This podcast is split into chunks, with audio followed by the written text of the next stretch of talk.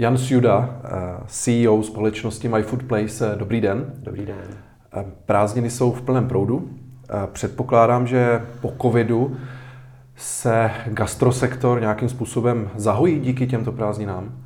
Je to do značné míry tak, jak říkáte. Myslím, že všichni vidíme, že lidé se ať už dříve či později do těch restaurací začali vracet a restaurace, když dneska jdete kolem, jsou z velké části, z velké části plné. A pro nás, jakožto pro ten rozvážkový segment, je důležité i to, že lidé stále objednávají i nadále ty, ty rozvážková jídla, to znamená objednávají si stále i domů. Mm-hmm. Stejně, eh, ten covid tady nějakým způsobem už je eh, pár let.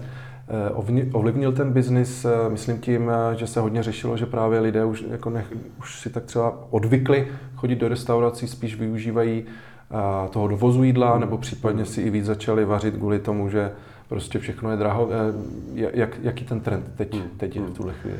Jak říkáte, já si myslím, že COVID ten biznis úplně jako překopal do značné míry a lidé nejdříve si museli odvyknout chodit do restaurací, protože žádná jiná možnost nebyla. Naučili se čím dál tím více objednávat, objednávat domů. A určitě toto je jeden z trendů, který přetrval a který vidíme i, i nadále.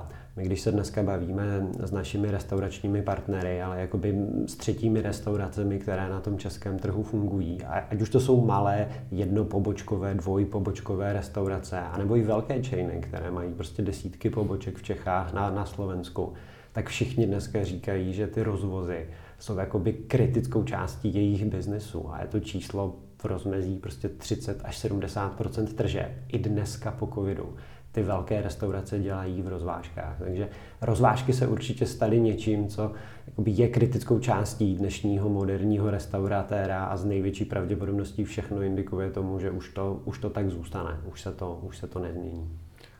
To ale znamená, že ty restaurace e, budou muset úplně změnit ten obchodní model, případně některé i zavřít nebo úplně změnit to fungování. E, jsou už ty restaurace na to nějakým způsobem neříkám připraveny, ale počítají s tím. Hmm. A do značné míry ho už většina z nich změnila, dá se říct. Do značné míry ti, co se nedokázali přizpůsobit, nedokázali v těch prvních vlnách covidu začít spolupracovat s těma rozvíjáškovými firmama, začít nějakým způsobem vyrábět, v Česku se tomu říká hotovky, nebo prostě tyhle jídla na, na odběr, tak, tak i zavřít museli. No. Hmm. Takže ano, je tam, je tam jakoby diametrální změna, ty restaurace musely přijmout rozvozy jako, jako věc, která je součástí toho biznesu dneska, ano, museli změnit svůj obchodní hmm. model.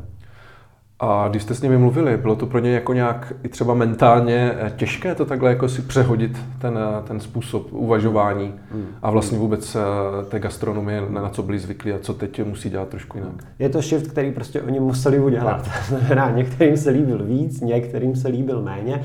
Samozřejmě eh, na začátku se jim líbí to, že aspoň nějaký biznis můžou dělat i v tom covidu, pak se jim méně líbí to, že samozřejmě ty rozvážkové služby něco, něco stojí. Hmm. No, a můžeme mít diskuzi o tom, jestli je to oprávněná provize nebo ne. Uh, ona prostě má své opodstatnění, protože vy, vy neplatíte servírku, neplatíte ten plac, který je, něco stojí, na druhou stranu musíte zaplatit toho kulíra, ty pohonné hmoty, ten marketing té platformy, který prostě není levný a, a celý ten provoz těch služeb. Takže o to, to, to se zase těm restauracím nelíbí, že musí platit hmm. nějakou tu provizi, ale, ale ona tam být musí a, a je do značné míry opodstatněna. Rozumím. Uh, druhé velké téma, je, které se týká nás všech, uh, je rostoucí inflace.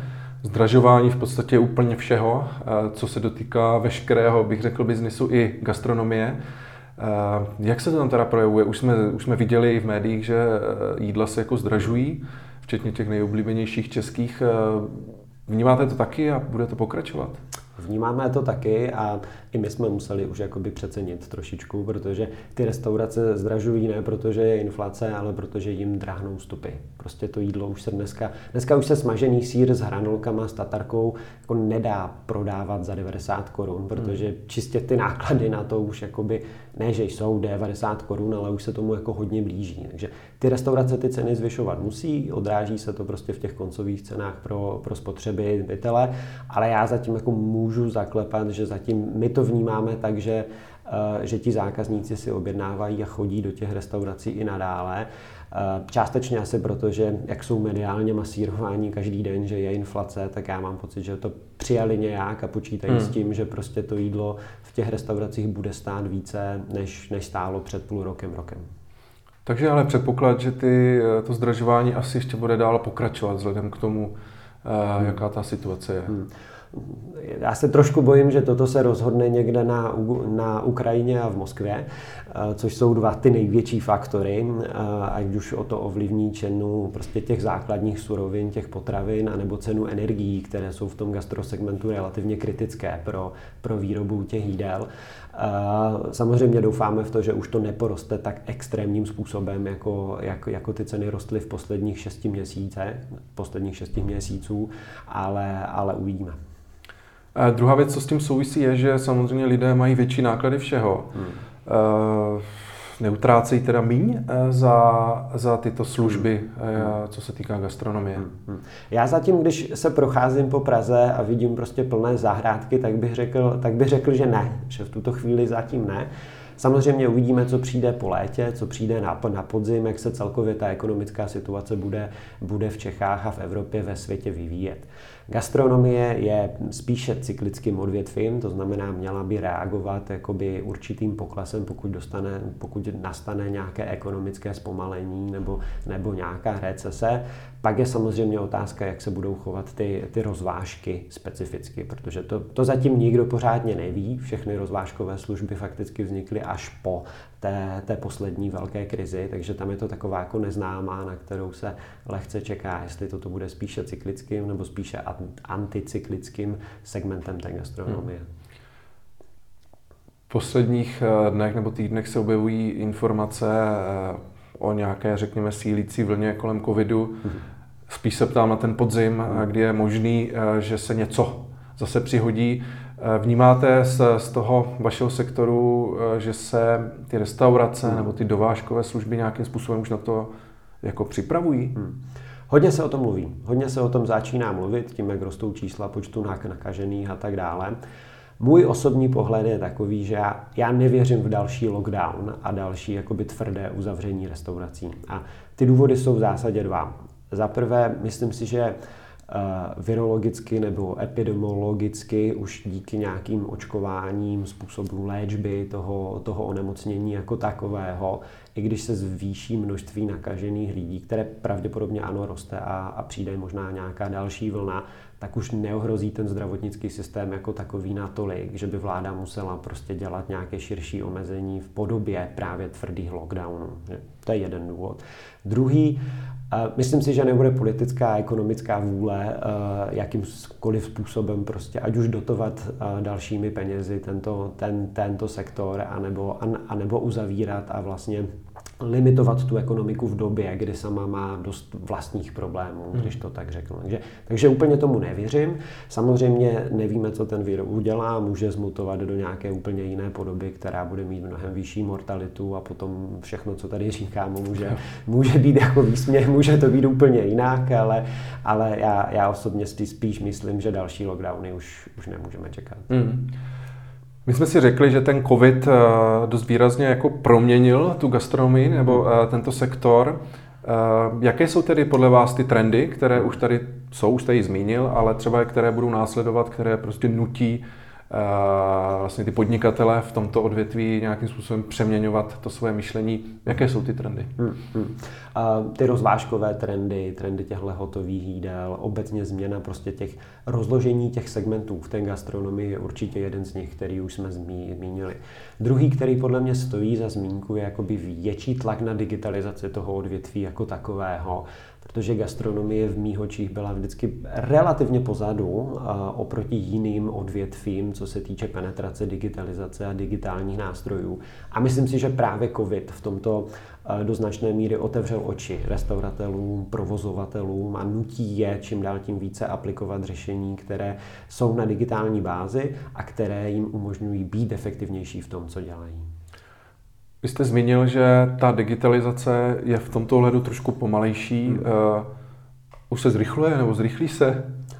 Určitě už se zrychluje. No, vidíme, že prostě restaurace začínají adoptovat řešení, které které předtím prostě se jim, ne že smáli, ale byly takové jako druhořadé. Prostě jeli si všichni svůj biznis, zákazníci platili v keši, všichni byli happy a, a proč, bych, proč bych něco měnil. Hmm. A toto v covidu najednou jako nebylo. Najednou jsme museli začít spolupracovat s nějakýma rozvážkovýma službama nebo mít nějakou logistiku. Najednou to bylo všechno složitější a, a restaurace teďka potřebují toto řešit efektivně, protože jsme si řekli, ty marže jakoby se, se spíše stlačují, takže najednou je tlak na restaurace uh, jakoby řešit marži, řešit nějakým způsobem tu nákladovost a to jsou věci, kde ta digitalizace právě pomáhá. Takže začínají se objevovat řešení, které opravdu pomáhají těm restauracím si udržet nějakou rozumnou maržovost a vůbec fungovat a orientovat se tady v tomhle světě, kde najednou to není o tom, mám hospodu, mám zahrádku, ale najednou mám hospodu, mám zahrádku, potřebuju spolupracovat prostě s dvěma, třema rozvážkovýma službama, potřebuju nějakou logistiku k tomu řešit, potřebuju nějakým způsobem si řešit třeba nějaký vlastní web. Jo? A najednou ten biznis se stal mnohem komplexnějším. Hmm. Jo? A to už bez digitálních nástrojů jde mnohem složitěji. Rozumím, ale e, taky předpokládám, že takový majitel restaurace si to trošku musí spočítat. E, jaké, jaká je třeba návratnost toho? On to taky hmm. asi není úplně nejlevnější to všechno zdigitalizovat jak už pro nějakou jednu hospodu, tak řekněme e, pro větší síť restaurací. Eh, když komunikujete eh, tady s těmi potenciálními zákazníky, tak eh, co jim říkáte, nebo co, jak, jak byste jim to hmm. vlastně vysvětlil? Skvělá otázka, abych se ještě posunul k tomu jejímu gro. Jo, a to je, že on to vlastně teprve někdo teďka začíná počítat. Mm-hmm. Jo, my, jsme měli, my jsme měli pocit, když jsme do té gastronomie vstupovali před třemi lety, že jsme prostě jediní, kteří tady jako řeší nějakou jako týdenní analýzu food costů a nákladovosti mm-hmm. položek a prostě rentability, jestli jako to má opravdu stát tolik, nebo má smysl to prodávat. A myslím, že spousta lidí v gastronomii toto neřešila. Teďka najednou jako to začíná řešit, začínají to počítat ale uh, jsou to hospočtí, kteří, kteří nevždy na to mají ty nástroje, ty, ty jakoby zkušenosti. A to je třeba jeden z perfektních příkladů toho, kde ta digitalizace má smysl. Prostě čistě na to, abyste věděli, jak se tomu biznesu daří a mhm. prostě mm. které segmenty toho meníčka má smysl rozvíjet a které ne a kdy, tak na, na to potřebujete nějakou datovou analytiku, nějaké prostě sběr dát, nějaké informace, které musíte nějak jakoby vyhodnotit a to se začíná dít. Mm. Co tedy eh, v dnešní době ty restaurace dělají eh, analogově, hmm. nebo co se jich dál bude dělat, řekněme, analogově a co naopak eh, se dá všechno zdigitalizovat? Vy už jste to zmínil, ale hmm. Určitě to není všechno, nebo kdybyste to zhrnul jednoduše, hmm. co hmm. by se mělo udělat a co třeba může odložit na později. Jasně, jasně.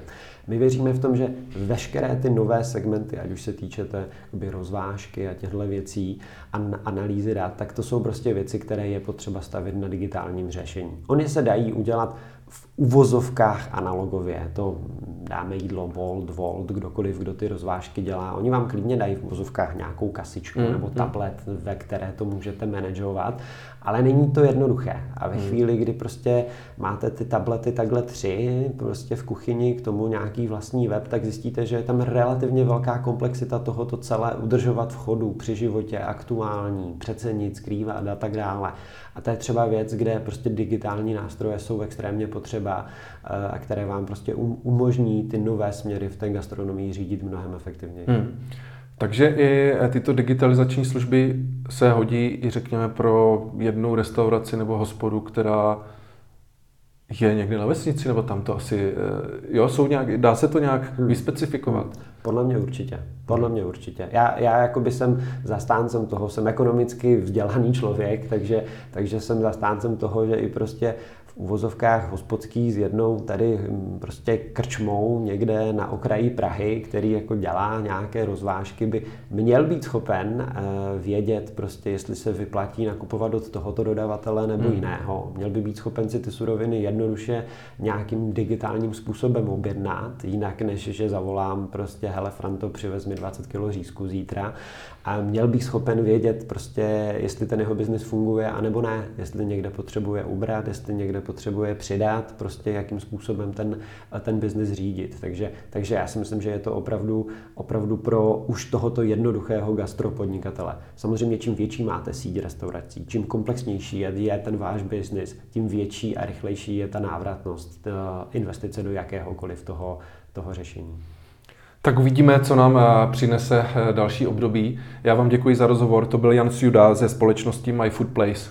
Děkuji za pozvání.